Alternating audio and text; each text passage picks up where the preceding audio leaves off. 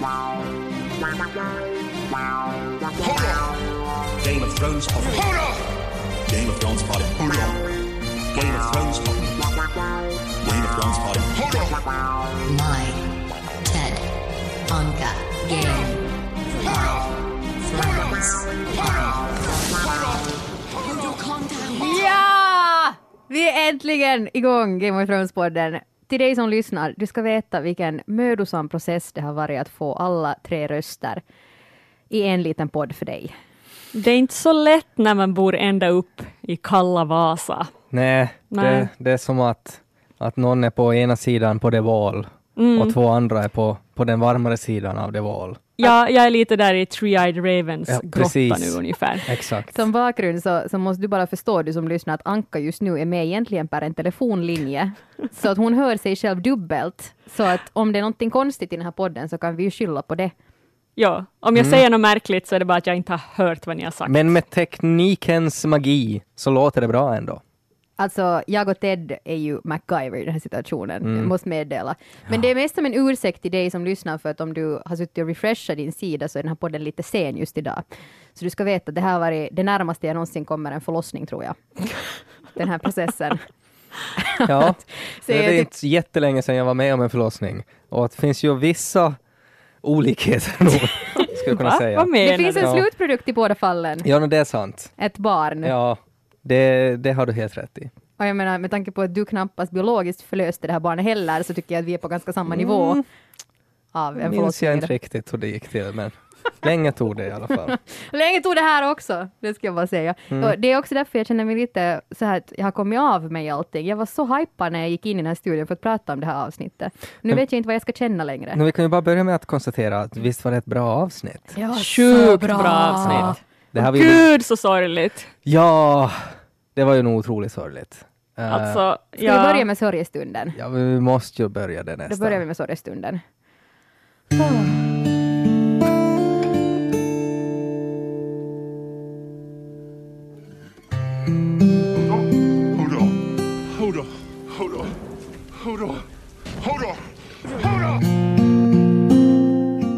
Där hörde vi honom. Ja. jag får, Sista gång. ja, jag får nästan lite tårar i ögonen igen. Jag fick det igår också. Alltså, men kan ni snälla hjälpa, för jag blev lite, jag kom lite av mig. Alltså, vi pratade ju om det här senast då, att om Bran vargar in i Hodor och han, Hodor dör medan Bran är inne i Hodor. Ja, alltså det där var ju nu då, det var ju en teori som visade sig vara eh, ganska sann det där nu då. Alltså att det gick ju faktiskt som, som de här olika teorierna pratar om. Att Vad syftar du på nu exakt? Nå bara det här att Bran så han kommer att fucka upp någonting eh, som hände för länge sedan, för att han håller ju på nu och lite utforskar saker som hände förr. Och han är ju lite vild av sig och vill göra saker på sitt eget sätt. Och om han då börjar fucka upp grejer, så vad om han ska fucka upp Hodor? Nu paus, paus, paus, paus. För jag vet inte riktigt hur jag ska förhålla mig nu till den här människan som jag nu sitter i studion med. För låt oss spola tillbaka tiden med ett par veckor. Så här lät det i den här Game of Thrones-podden just då. Nu vet vi också att Hodor figurerar liksom i, i det här som har hänt tidigare. Och Bran har redan en gång tidigare varit vargat in i Hodor. Att vad om Bran ser någonting som han tycker att, att oj, oj, oj, oj, det här borde ju nog stoppas. Och så försöker han liksom, när han är mitt i en sån här vision för det som hände länge sedan, gå in i Hodor då. Och så är det det som fuckar upp Hodor. Vad är det som händer Ted Forsström? Ja, men det var Alltså, ju det var ja. exakt. Jag tror Ted är förklädd till en, alltså han är, han är en röd präst förklädd till fantasy-nörd. Alltså det här är nu så sjukt och det, det slutar inte där. Det slutar inte där! Det slutar inte där! Så här lät det för ett par veckor sedan i samma avsnitt. Nej, och där finns ju många teorier då, att han är ju en stable boy, så att det här mest logiska är förstås att han får en häst i huvudet i något skede. Och där finns det också en teori om att just att varför han säger Hodor är för att typ det sista han hör innan han får en hästspark i facet, så är att någon skriker åt honom ”Hold the door”. Så. Och så blir det till Hodor. Ja, Alltså, Du, du är det närmsta Jesus man kan komma Ja. i det här livet. nu måste jag ju påpeka här då att det är ju inte alltså mina personliga teorier, utan jag har ju läst alltså en massa saker på internet och filtrerat de som jag tycker är mest intressanta. Så jag kan ju inte ta liksom all kredit. Men nu är det ju kul att komma så där nära. Mina händer skakar. Mina händer skakar. Det enda som lite räddar den här situationen för att göra dig mindre Jesus nu i Game of Thrones-världen är det här sista du säger i det här samma klippet. Eh, men det är ju, jag menar, det är ju ganska långsökt. Ja, Det var ganska långsökt att det var hold the door! ja, Okej, kanske du syftar lite på den här hästscenen, Ja, men jag att- menar den här meningen, det skulle Ja. annars ha varit helt full träff. En rolig kuriosa med det där faktiskt är ju att... eh, Nej, sluta nu kommer det igen! det, det var bara, jag läste faktiskt att det var någon för typ för två år sedan, alltså någon som jobbar på, på ett sånt här ställe som ordnar ganska mycket sådana här skiffy conventions eh, som George R. R. Martin ofta besökte. Och att den här typen som jobbar där, så han jobbar som, eh, han, han jobbar hissen. Alltså, det, jag, vet inte om det var bara för att George R. R. Martin är så otroligt överviktig och nära döden att han måste ha en personlig så här hisspojke med sig vart han än går. Eller så bara är det ett sånt ställe där de ännu har hisspojkar. Men han träffar då varje år så träffar han George R. R. Martin och så smaltakar han med honom i hissen. Uh, och, uh, och så hade han pratat om, om Hodor med honom. Och det här var alltså för två år sedan och han har bloggat det här. Uh, och, och så hade han sagt att, att nu har han räknat ut vad Hodor är för någonting. Att det är en förkortning av Hold the Door. För att i USA så finns det en sån knapp där det står liksom Hold the Door. Och så hade George R. R. Martin så hade skrattat och sagt att han vet inte liksom hur nära han är med det här. Och det är väl lite roligt, för det här var för två år sedan. Då. Eh, och jag tycker på något sätt att det finaste med det här är ju det både fina och tragiska är ju att eh, jag har ju väntat typ vad är det, 15 år på att få veta varför heter han Hodor? Varför säger han Hodor? Och nu fick jag liksom reda på det och det är ju jättefint och det är på något sätt jag tycker att det är också så häftigt i det att, att George R. R. Martin har liksom planterat de här fröna för så där länge sedan. Och nu liksom, nu blommar de ut och nu börjar det liksom hända saker och nu får vi reda på saker. Det tycker jag är jättehäftigt. Det som jag tycker är lite synd nu då är ju förstås det där som jag också var rädd att det var ju inte George som fick säga det där åt mig. Det var tv-serien som fick berätta det där åt mig. Och det blir lite sådär bittersweet det där. Ja, Att det är jag- inte riktigt äkta. Ja, men alltså där att jag skulle, jag, helst så skulle jag vilja ha läst det här. Men att nu fick jag ju se det. Och, och jag, vet, jag, jag tycker synd om George, för att det känns som att han, han kanske börjar ångra nu så småningom att han, han skrev under det här kontraktet att ni får göra det här. Ja, men jag förstår det, det var ju liksom hans sak att säga Precis. på något sätt. Nå, nu, nu säger ni det här för att ni är bokälskare. Jag satt i soffan och bara kände poletten trilla. det är sådär, när det bokstavligen bara såhär, ah, man sitter och stirrar på den här scenen. Äntligen, okej. Och, att, och sen kom den där skräckkänslan av att vem jobbar jag med? Jo, någon slags Game of Thrones Men, frälsare. men vad tror ni nu då om det där? Alltså för jag tycker det finns ju två olika sätt att se på det här nu då. Ett väldigt hemskt sätt och ett väldigt nobelt sätt. Eh, och det ena är ju det här då att, att Bran på något sätt, han har ju utnyttjat Hodor i hela hans liv. Alltså att han gjorde honom till Hodor eh, när han var typ 11-12 eller någonting och så, så var han så där tills han dog. Han hade ett uppdrag i livet och det var att hold the door för Bran. Typ. Allt- Och bära på honom. Ja, och jag menar det var ju liksom i och med att Bran gjorde det där så ledde det ju sen till att Hodor allt som hände efter det var ju ett direkt resultat av att Hodor fick en sån här seizure när han var 11-12. Eh, och det är ju otroligt på något sätt eh, så här hemskt av Bran att, att, att göra ett sånt eh, skapa ett sånt liksom människoöde åt Willis. Och inte bara det, men han får ingen upprättelse någonsin. För där, jag menar, där rök ju Hodor, så allt han skulle, när han fick det där poletten trilla, ah, Mm. det var jag, så har han ju ingen möjlighet heller att, att på något sätt gottgöra det för Nej. Hodor. Heller. Ja, men jag funderar om Hodor alltid har känt på sig vad som har hänt. No, det är ju det där som är intressant tycker jag. Och det här är på något sätt det här andra, den här nobla grejen. Att blev det på något sätt också att Hodor där i slutet, att var han liksom styrd, var han vargad eller på något sätt blev han frisk där i slutet och ändå bestämde sig för att nej, att jag offrar mig för min kompis Bran. Och, Det var det som, jag menar min ursprungliga fråga var ju det, att vad var det som hände där på slutet? Mm. För att vi spekulerar ju att om Bran blir kvar i en war, liksom vargar in i någon och sen dör den där han vargar in i, så dör han ju i princip också. Ja, det är ju alltså det finns ju många teorier vad som hände. Uh, den som jag kanske, som min tolkning som jag tycker är mest logisk nu, jag har försökt läsa massor på internet för jag tycker det är lite sådär oklart. Det finns så många sätt som det kan vara på. Eh, men det som jag tycker är på något sätt det här kärnan i det är ju att när Bran färdas så här liksom i tiden, så gör han ju det oftast i samband med den här Mm. eh, Blood Raven, alltså den här gamla gubben, Max von Sydow. Och det händer någonting när han dödas av, av den här Night King. Så då blir liksom Bran blir liksom kvar där. Mm. Att det, är liksom, det är den här Blood Raven som har tagit dit honom och ska visa någonting åt honom. Mm. Men att när han dör så blir liksom Bran strandad där. För jag tänkte också, varför vaknar han inte bara upp och Ja. så skulle han ju där kunna våga in i Ja, Hodor istället. men för att det var, det var eh, Max von Sydow som hade dragit dit honom, så det var också Max von Sydow som måste liksom dra tillbaks honom. Och när han dör så, så finns det inte liksom någonting som, som Bran kan göra, att han hamnar i panik, att hur ska jag liksom ta mig tillbaks till nutiden? Mm. Och då är, finns det en länk, och den länken är Hodor.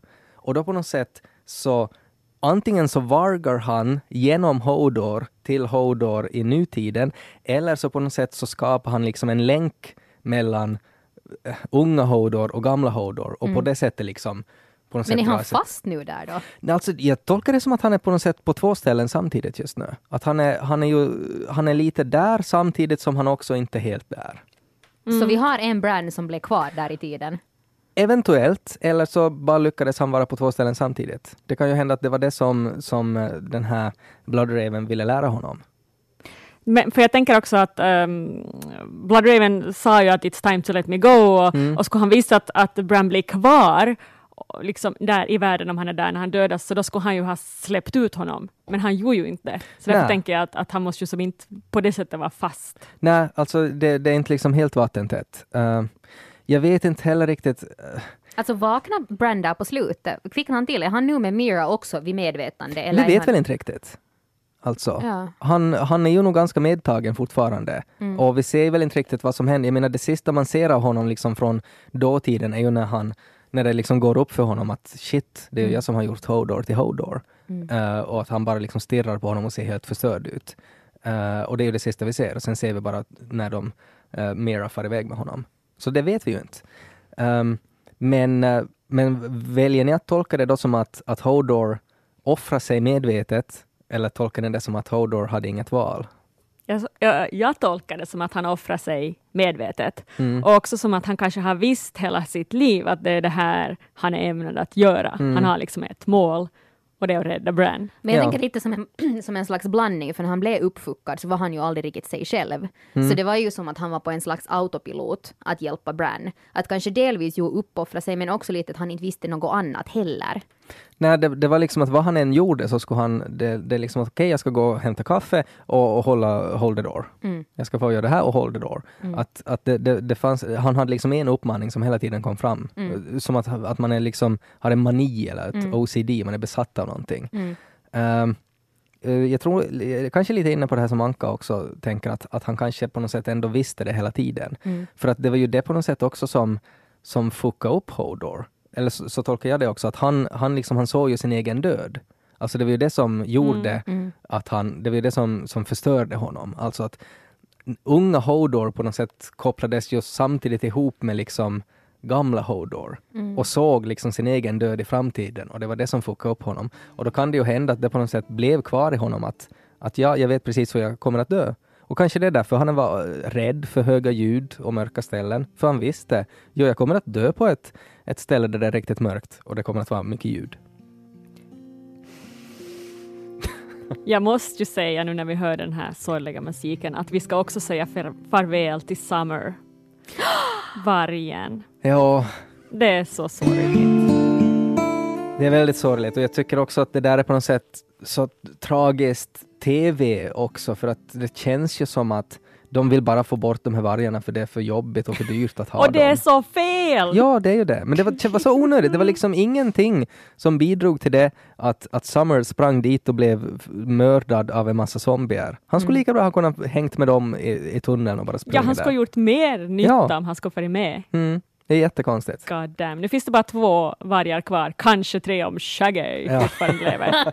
Ja, det vet vi ju inte. Oj, men det måste vi nu, lite uppmuntrande. Det blev så jobbig stämning. Jag Ja. men det var faktiskt jättesorgligt igår. Det var otroligt sorgligt. Alltså, och, Ja. och på något sätt också väldigt, jag vet inte, sådär att man tänker på hur många människor som dör och hur mycket hemskheter som finns i den här jävla tv-serien. Så det som tar eh, sju, mest sjukt är liksom när Hodor offrar sig själv. Förlåt, den är kvar här. Jag märkte inte att det ännu hördes. ja, ja, men det Ja. var jättesorgligt att hon tog sitt liv. Det känns så tomt Ja. utan Hodor. Ja. Och jag tänker också lite på Bran, att, att alltså jäklar, jag menar den, den killen, alla bara uppoffrar sig för honom. Ja, no, det är ju det som han nu på något sätt, det det är ju liksom hans eh, karaktärsutveckling nu då. Att hur behandlar han det här? Nu vet han att han har gjort det här, han har, han har liksom orsakat så där mycket hemskheter åt Hodor, bara liksom för sin egen skull. Och, och då blir det på något sätt att kan han liksom leva med det, gör det honom till en bättre person, eller kommer han att fortsätta fucka upp? Hörni, på tal om det, så jag har en fråga när jag inte kan så bra de här böckerna, alltså de här, vad var det, Children of the Tree God? Children of the Forest. Forest, Children ja. of the Forest, just det. Så um, det var ju en ganska stor uh, häpnadsväckande upptäckt. Det är alltså de som har skapat White Walkers. Det var en enorm reveal det, tyckte jag faktiskt. Ja, för att skydda sig själva mot de första människorna. Man skulle tro att, men hallå, varför kan ni inte styra dem då? Ni har skapat dem. Ja, det är någonting som gick fel. Uh, dels tycker jag att det är häftigt på något sätt det här tankesättet också att vi människor är så hemska så att man måste uppfinna White Walkers som är hemskare liksom på något sätt. Uh, men där, jag läste en intressant grej uh, om att det som kanske fuckade upp dem där var att Um, alltså delvis så hade de ju sin, de hade ju en backup-plan och det var ju det här Obsidian, alltså det här Dragon Glass. För att det såg vi ju nu också att när Mera slängde det här spjutet i den här ena White Walkern, så han, han liksom sprack ju sönder is direkt. Att de hade ju sin, sin, sin backup-plan där, att de kunde ju döda dem relativt lätt, för att de hade ju väldigt mycket sån här Dragon Glass. Att om det skulle skita sig. Men, men sen var det ju någonting då som gick snett, eh, och jag tror att det är ju det här hela grejen med de här whites, alltså de här zombierna.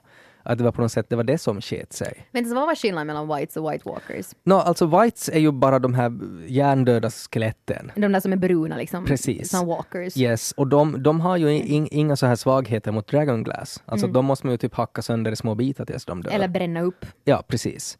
Eh, och det var det kanske som sket sig för Children of the Forest, att de hade inte räknat med att de här White Walkers också skulle kunna på något sätt styra de döda. Eh, och då läste jag en intressant teori om det, att, att vi såg ju typ när de skapade den här första White Walkern, Uh, och det fanns då en teori om att det som sket sig när de gjorde det var att den personen är en Stark och att han kunde varga. Och att det visste inte de här Children of the Forest. Och att det som de gör uh, de här White Walkers, uh, så det är att de kan liksom varga in till döda människor. Och det är därför de kan styra zombierna. Att de kan inte liksom bara, jag menar om man tänker att, att när man vargar så tar man ju över någons kropp och styr dem. Och att det som White Walkers gör är att de vargar in i lik och styr dem. Tusentals samtidigt. Tusentals samtidigt. Och det var det som The Children of the Forest inte hade räknat med att de kunde göra. För att de visste inte att det fanns någonting som Vargin. Men hej, vem är den här Night God? King, King God? Night King. Night Eh, King.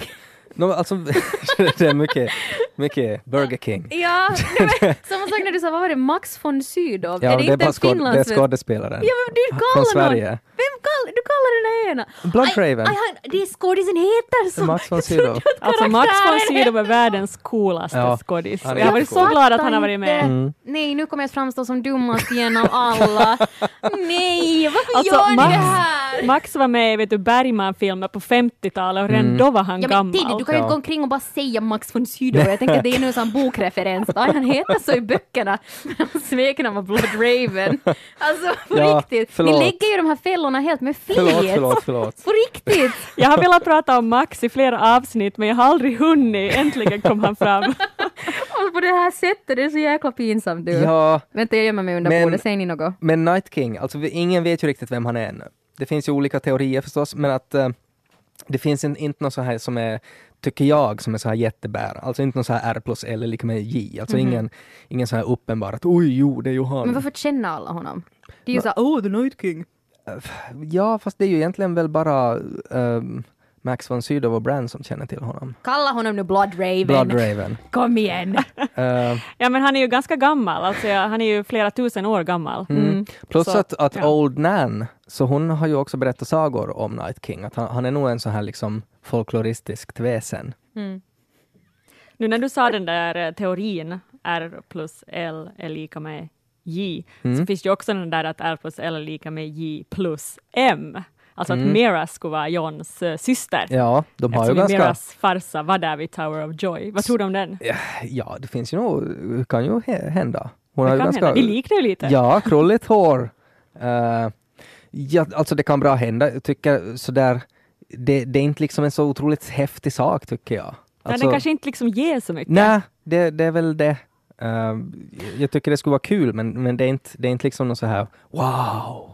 Nå, förutom att Mira nu är på tumis med Bran och de är ensamma någonstans där och flyr under Night King. Ja, Så då skulle Oj. naturligt vara att söka upp John. mm, Och där skulle mitt i allt då bli en sån här dubbelsyskon-reunion på ett sätt. det kan hända. Jag tänkte genast på Skilda världar, den här 90-talsserien. Nej, de blir först fel. kära i varandra innan de inser att de är syskon. De är ju alla lite Targaryen så att inte det är ju helt konstigt. Hej, på tal om The Wall och att komma till John och sådär. Um, så jag, jag, det som jag beundrar jättemycket den här öppningsscenen när vi träffar Sansa och så här, var när hon träffar Littlefinger. För en grej jag haft lite svårt med serien, är, speciellt när den följde boken väldigt maniskt och så slaviskt, var att det kändes som vissa problem och vissa hinder bara sopades under mattan. Som det att till exempel Sansa blev våldtagen. Så jag beundrar det att man på något sätt lyfte fram det här i karaktären, att det var en riktig trauma och att vi såg henne på något sätt bearbeta det också. Att det fick ett utrymme, att det var inte bara någonting som hände henne och sen fortsatte hon att leva. Nej, ehm, nu börjar jag tänka att det är väl de flesta människorna i den här serien som, som utsätts för så hemska saker så överlever ju det typ inte. Men jag tänker så här i boken, alltså, ja no, det också, men i boken så finns ju den där när du ser det ur perspektivet av en karaktär så får du den där liksom bearbetas undermedvetna- på ett annat sätt. Exakt, medan i serien så var det bara en scen, det hände och så var det hemskt och sen var nästa scen något helt annat. Och det lämnades liksom att jo okej, hon blev plågad och ville fly därifrån men kanske inte så mycket om det där att Fatta att hon har blivit våldtagen. Fatt, Vad har Ramsay gjort med hennes kropp? Allt som inte syntes, alltså hennes ansikte egentligen. Mm. Det var jättebra, det var superbra när hon sa det där att, att eh, hon kan fortfarande känna det. Ja. Alltså inte i sitt hjärta men i sin kropp och då fick man riktigt sådär uh, Ja, och också att hon sa det liksom åt Littlefinger, för att man har, jag åtminstone har varit lite rädd ännu så här att hon, hon på något sätt ännu skulle vilja gå tillbaks till honom eller någonting, så där lita på honom. Eh, men att nu visar hon ju nog ganska redigt var skåpet står där. Å andra sidan slutade det ju lite taskigt. Det var sådär att fan att han måste få in foten mellan dörren där på slutet. När han planterade den där, Ja, där tvivlet ja gentemot hennes att, bror. man visste ju att det skulle vara något sånt också Ja, där. att han skulle ju inte bara sticka, utan såklart han måste Mm. lämna efter sig någon spår som att kan du verkligen lita på din Ja, bror? och det, det där kommer ju att bli någon grej också när hon ljög åt honom. Mm. Eh, så, så det är ju no, någonting kommer att hända där. Eh, jag tyckte det var jättefint också att hon hade uh, stickat tröjor åt honom Mm. och, och sådär. Men, eh, men no, no, något kommer att inträffa där och uh, kan ju hända typ att John blir jättesur på henne när det kommer fram att hon har ljugit eller något sånt. Men tänk så om undrar jag det, också att ska Mm. man tro på hela den här informationen också? Exakt. om Ja, det vet det var det jag tänkte. Som man heter på svenska. att när de dyker upp där, att de sen mitt i allt inte finns en pålitlig armé. Mm. Att han, Ja. han valde nu att för, förråda henne i princip. Han har märkt att han har inte henne, någon nytta av henne. Mm. Hon litar inte på honom. Så fine, då skickar han henne till hennes död. Ja. Ja, men ingen aning. Det skulle vara jätteroligt att se vad som händer. Um, en nästa fråga till mig som icke-boknörd. Uh, Arya och The Hall of Faces. Det här, hon vill ju jätte, hon är otroligt fascinerad av de här facerna nu. Hon skulle jättegärna vilja prova på ett ansikte. Och när uh, uh, A man has no name, Jaqen Haggard, heter han så? Mm. Ja. Nej, han har ju inget namn. Ja, just men det. A man has no name.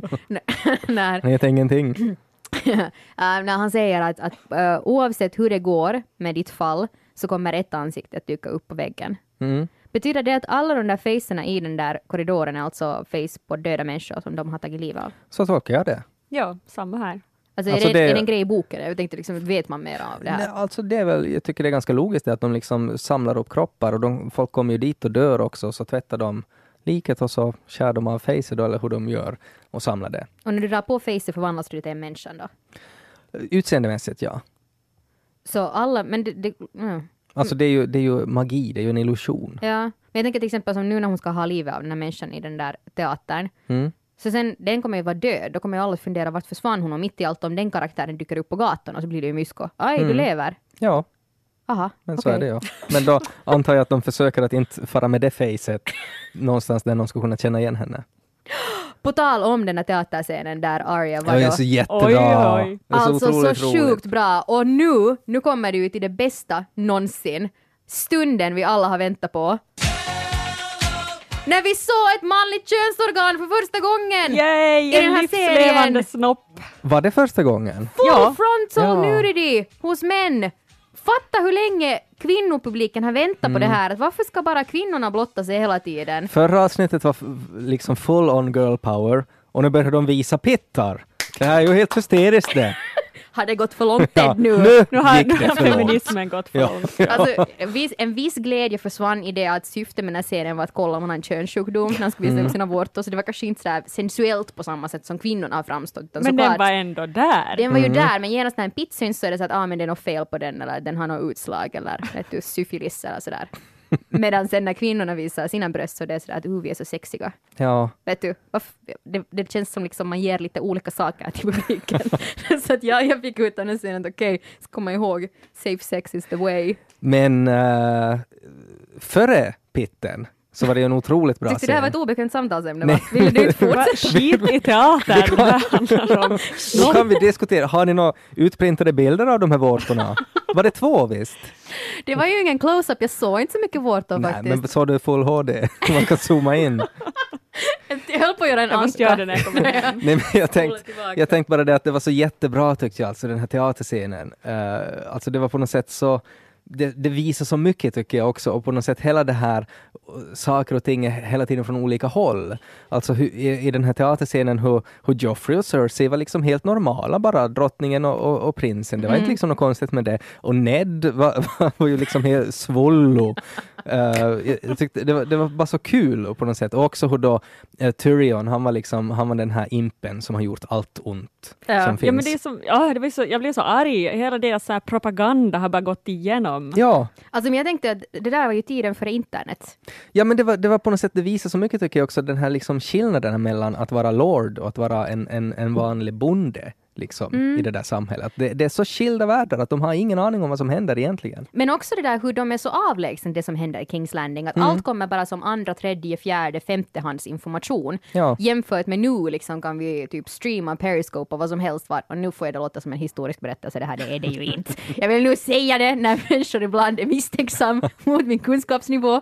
Men, men jag menar mera det att, att det kändes som en väldigt tydlig kontrast där. Att det är ju klart att de inte har koll på det, för det Mm. Ja. har hört det via liksom bönder och via resenärer och via Ja. liksom... Ja, men, men jag, jag tycker också att, att det är så här fräscht i en tv-serie, för att oftast i en tv-serie på något sätt så, så är det så här accepterat att alla vet alltid exakt vad som har hänt. Mm. Att det var fräscht på det sättet att här kom det fram jättetydligt att jo, att det är faktiskt bara vi tittarna som vet Mm. hur saker och ting ligger till och vi vet ju väldigt lite. Eh, Så att det är ju klart att liksom resten av människorna inte har någon aning och då börjar man förstå liksom hur det funkar med det här High Sparrow och, Mm. och religionen och att klart att sånt funkar. För att inte har de någon aning om något. Och inte bara det, utan att a girl so has a name från den Ja. där scenen. Ja, det sa man ju. Hon kommer aldrig att bli en ingen. Nej, det men jag, kommer bör- inte att funka. jag tycker på något sätt att det verkar så ologiskt nu, alltså för hon är ju så otroligt dålig på att, att bli det där. Att är, är det på något sätt, har de någon så här agenda, alltså den här Mm. Jacken och, och Veif, alltså försöker de utnyttja henne på något sätt? Och reagerade ni också att hon har blivit sämre på att slåss sen hon fick synen tillbaka? Det kändes också sådär att hon faller ju mera än när hon var blind. Ja, det kan hända. Men, men på riktigt? ja, Hon kanske bara vet du, var snäll med henne när hon var blind och nu är hon på riktigt. Mm, det kan hända att hon Mm. inte förväntar sig lika stort motstånd. Ja. Jag tänkte med, med Jaken så var jag igen sådär, det där var en sån här tv-seriekommentar. När han var sådär att a girl has a point.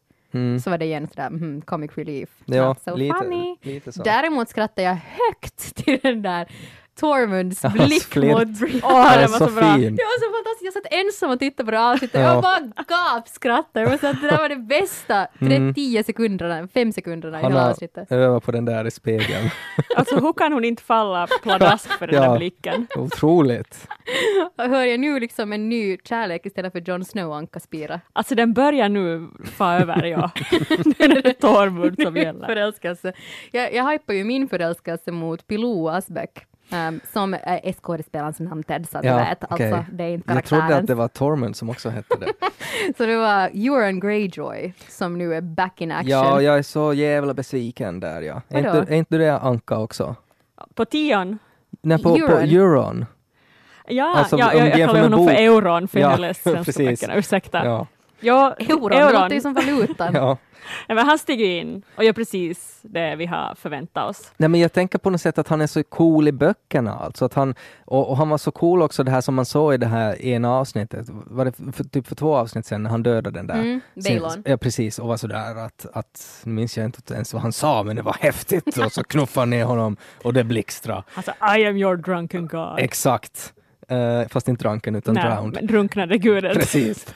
Men det tyckte jag var så coolt och han var jättecool och mysterisk i böckerna också. Och nu bara kommer han in och drar liksom uh, pitt-skämt eh, en timme ungefär. Ja, alltså det blir ju lite old faktiskt. Ja, men alltså- Släpp det där med Tions pit. Ja, liksom. jag tyckte också att det, det, liksom hela den grejen var på något sätt kändes väldigt tråkig. Eh, och, och de framstår som så fullständigt idiotiska de här Ironborn. och, Det var ungefär på samma nivå som de där uh, kalarna. nej men det var, det var liksom, det var sämre, det var som Björnligan här. att, var är de? Nu ska vi gå och möta dem där.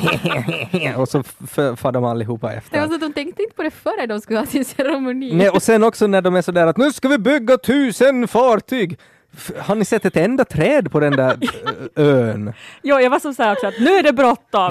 Jaha, Ja. det kan ju som ta en stund. det Ja, här. att det, det, det är lite dumt. Men jag tycker att De far som ut och börjar liksom gräva diken och ska börja så nu då.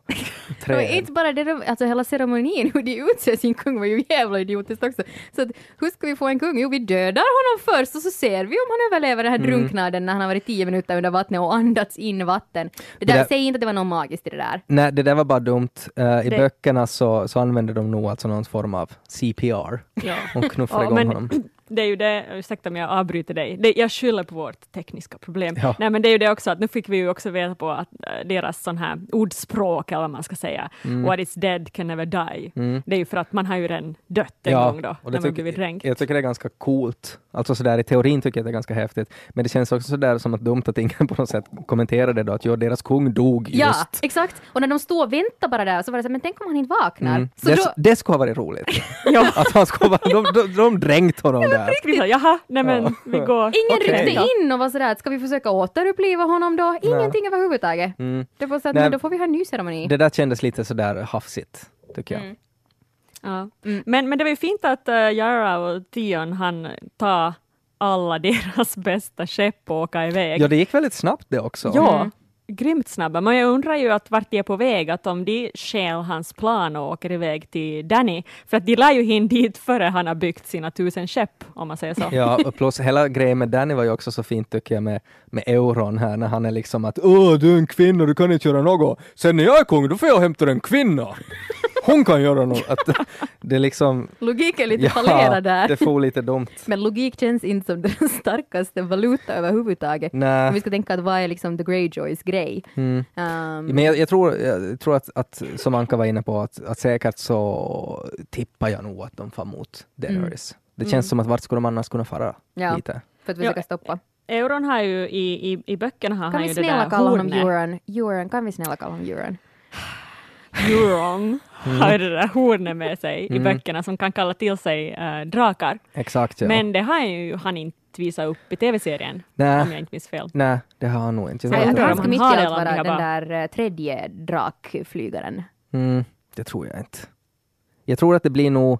eh, ja, jag vet inte riktigt vart de kommer att fara med Euron. Men om han nu i nästa avsnitt har en armada, så då känns det ju jättedumt. Jag vet inte liksom vad, vad de kan göra med honom, för att inte Mm. hinner de bygga skepp på så här kort tid. Anka, jag tänkte på det igår också.